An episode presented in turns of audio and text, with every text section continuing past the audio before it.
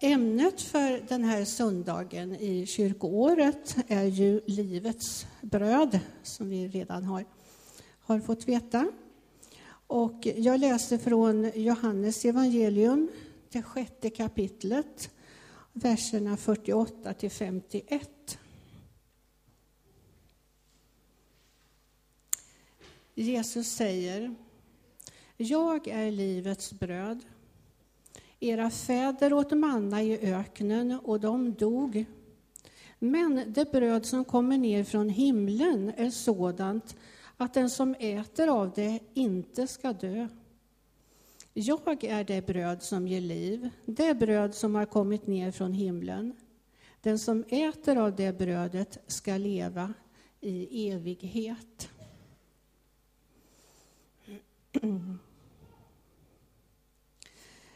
De här verserna är tagna ur ett större sammanhang eh, där Jesus för ett samtal med, med en eh, skara människor.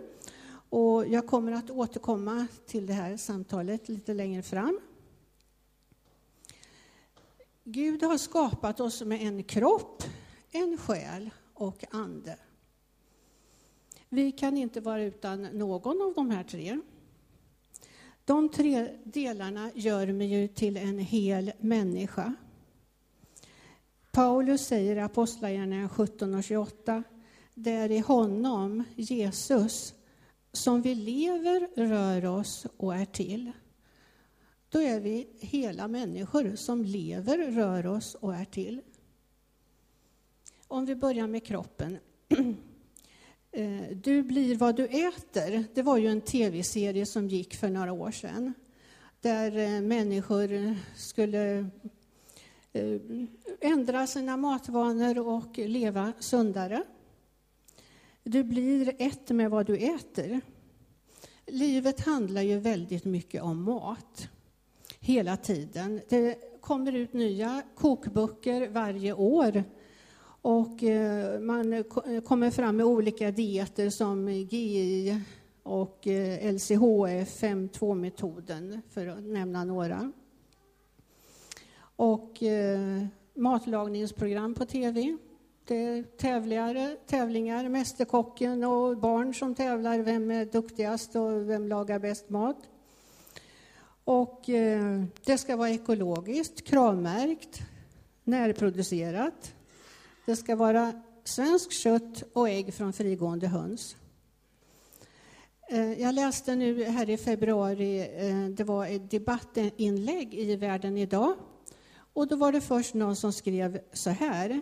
Finn din rot, ät vegetariskt. Och så svarar någon annan. Ät rätt, lev väl. All mat som är given av Gud är rätt att äta. Ja, det finns bra mat och det finns dålig mat. Mat som bygger upp kroppen och som, mat som bryter ner kroppen. Daniel i Gamla testamentet, han var 14 år när han tillsammans med några andra killar, unga män, deporterades till Babel för att eh, tjäna vid kungens hov. Men han och tre till, de ville ju inte äta den här kungens mat. De ville inte orena sig med, med kungens mat och vin, utan de bad att få äta grönsaker och dricka vatten. Och det visade sig efter tio dagar att Daniel och de andra tre, de var vackrare att se på och mer välnärda än de som ätit kungens mat. Eh, detta var ju en slags fasta. Och det står att Gud belönade Daniel och de andra tre genom att, ja, belönade Daniel genom att välsigna honom med mer vishet än någon annan i hela imperiet. Detta var lite grann om kroppen. Nu går vi över till själen. Det är ju viktigt att själen mår bra, det vet vi ju. Och vi har olika sätt att tillfredsställa själen. Vi har ju olika behov och intressen. Och jag tycker väldigt mycket om att titta på den här tv-serien eh, Världens natur. där Mikael Ekman berättar med en väldigt behaglig röst om olika djur och natur. Och eh, vacker musik i bakgrunden. Eh, det är någonting som jag kan rekommendera. Det är väldigt avkopplande och rogivande. På söndagskvällen klockan sju brukar det vara. Och eh, många av er har ju andra intressen som eh, fågelskådning och eh, biodling och eh, snickeri och vad det kan vara. Och eh, att få barnbarn, det är väldigt positivt för själen. Ja, Gunnar och jag har ju nyligen fått ett, det tredje lilla barnbarnet. Och eh, man får det. Här har vi en, ja lilla Lova, en och en halv vecka. Man eh, slipper smärtan när man får barnbarn, man får bara njuta av frukten. Mm. Många lever i ett högt tempo, det vet vi alla. Och det är svårt att varva ner och man drabbas av utbrändhet. Kraven är stora och man bedöms efter vad man presterar. Eh, och vi matas ju hela tiden med information. Man får ju veta på ett ögonblick vad som händer runt om i hela världen. Och reklamen kan vi knappast undvika. Och vi påverkas ju faktiskt väldigt mycket av det vi ser och hör. Och har man glömt mobilen hemma så är det rena katastrofen. Tänk om någon har sökt den, om man inte går att få tag i.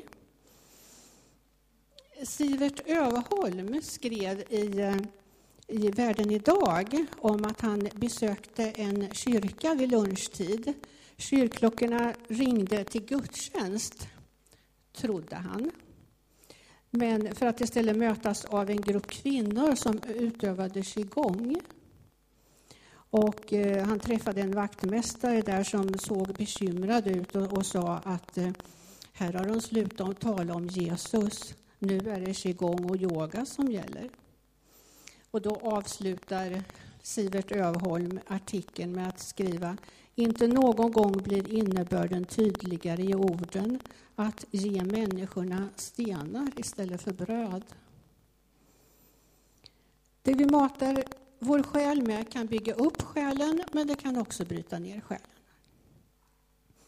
I psalm 103 säger David, Lova Herren min själ, Ja, hela mitt inre ska prisa hans namn.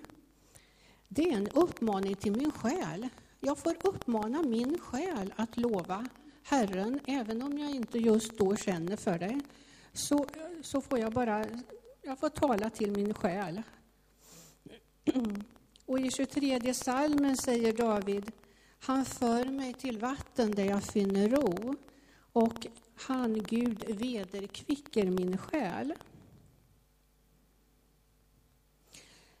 När vi här talar om bröd så tänker vi oss bröd som näringsrik föda som man blir mätt av och som man behöver för att växa och må bra, för att få ett bra immunförsvar och inte bli sjuk, för att bli stark och kunna stå emot påfrestningar. Det är sådan mat som kroppen behöver och det är sådan mat som själen behöver. Nu kommer vi till samtalet som Jesus hade med folket i Johannes sjätte, kapitlet, sjätte kapitel. Jesus sa, jag är livets bröd. I hela Mellanöstern var brödet basfödan på den här tiden. Man malde säd och, och bakade. Och det var en väldigt viktig del av livet. Därför blev brödet också en symbol för Guds ingripande. Brödet som gav liv, livsbrödet, livets bröd. Och här har vi förklaringen till innebörden uttrycket livets bröd som Jesus använde. Jesus föddes i Betlehem och det betyder faktiskt på hebreiska brödhus. Eh, man kan ju nästan säga att Jesus föddes i ett bageri, eller? Ja, kanske. Och det var så här att åkrarna runt omkring Betlehem, de var väldigt steniga. Och eh, förutsättningarna för goda skördar var egentligen väldigt dålig.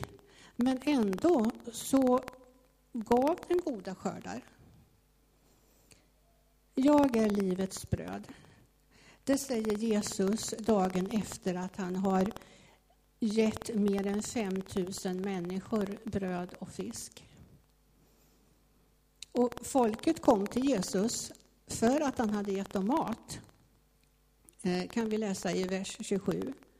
Men Jesus säger, arbeta inte för den mat som tar slut, utan för den mat som varar och ger evigt liv och som Människosonen ska ge er.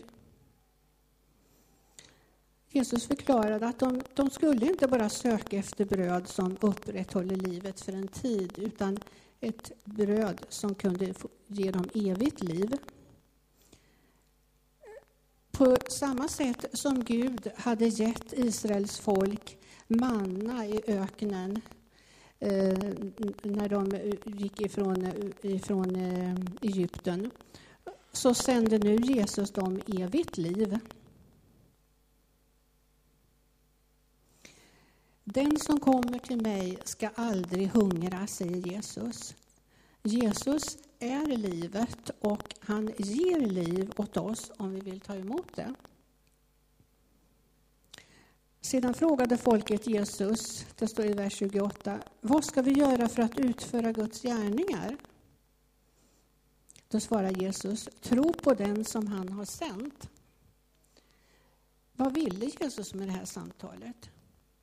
Jag tror att han ville att eh, de skulle förstå att han är Messias, Guds son, som Gud har sänt från himlen till oss människor.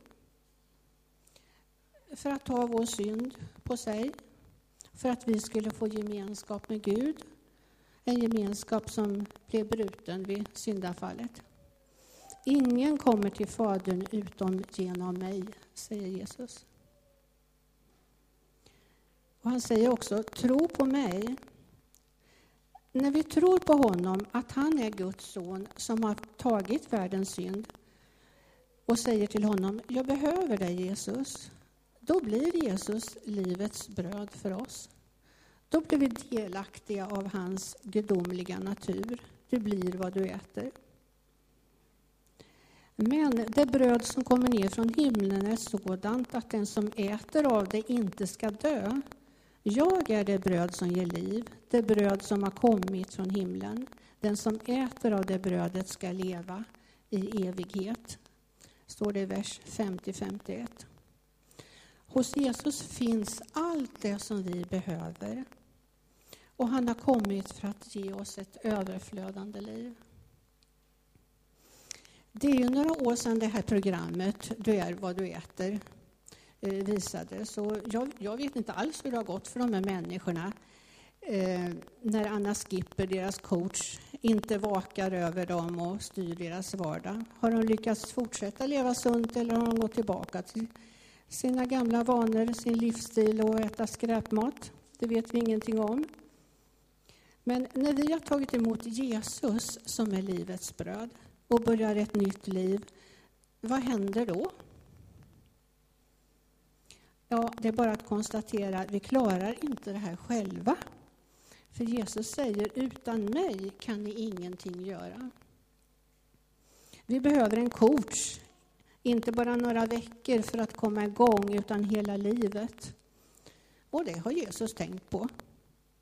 Han sa i sitt avskedstal till lärjungarna innan han skulle lämna dem, det är bäst för er att jag går bort, Ty om jag inte går bort kommer inte hjälparen till er, men när jag går bort ska jag sända honom till er. Den helige Ande som är hjälparen påminner oss om vad Jesus sa. Han utrustar oss och han vill vägleda oss. Tillåter jag den helige Ande att korrigera mig? Det är väl en coachs uppgifter. Ibland behöver vi ju korrigering av kursen. Den heliga Ande överbevisar oss om synd och vi får ödmjuka oss och vara villiga till förändring. Vi har ju också fått Bibeln, Guds ord, som den heliga Ande vill uppenbara eller förklara för oss så att, så att vi förstår vad vi läser. Och det är bra och näringsrik föda. Det är föda som vi växer av och som stärker vår tro och förtröstan på Gud. Precis som man äter regelbundet behöver vår ande hela tiden påfyllning genom att umgås med Jesus och mättas av hans ord. Vi får del av Jesu bröd, hans liv, varje dag. Jesus säger, det står skrivet, människan lever inte bara av bröd, utan av varje ord som utgår från Guds mun. Vi ska fira nattvard alldeles strax här tillsammans. Och vi ska minnas vad Jesus gjort för oss. Och precis som vi bryter nattvardsbrödet så bröts hans kropp för oss när han offrade sitt liv på Golgata. Han sa till sina lärjungar under den sista måltiden att vi skulle göra detta. Och Paulus säger i Första Korintierbrevet 10.17 om nattvarden. Eftersom det är ett bröd är vi som är många en kropp, ty alla får vi del av detta enda bröd.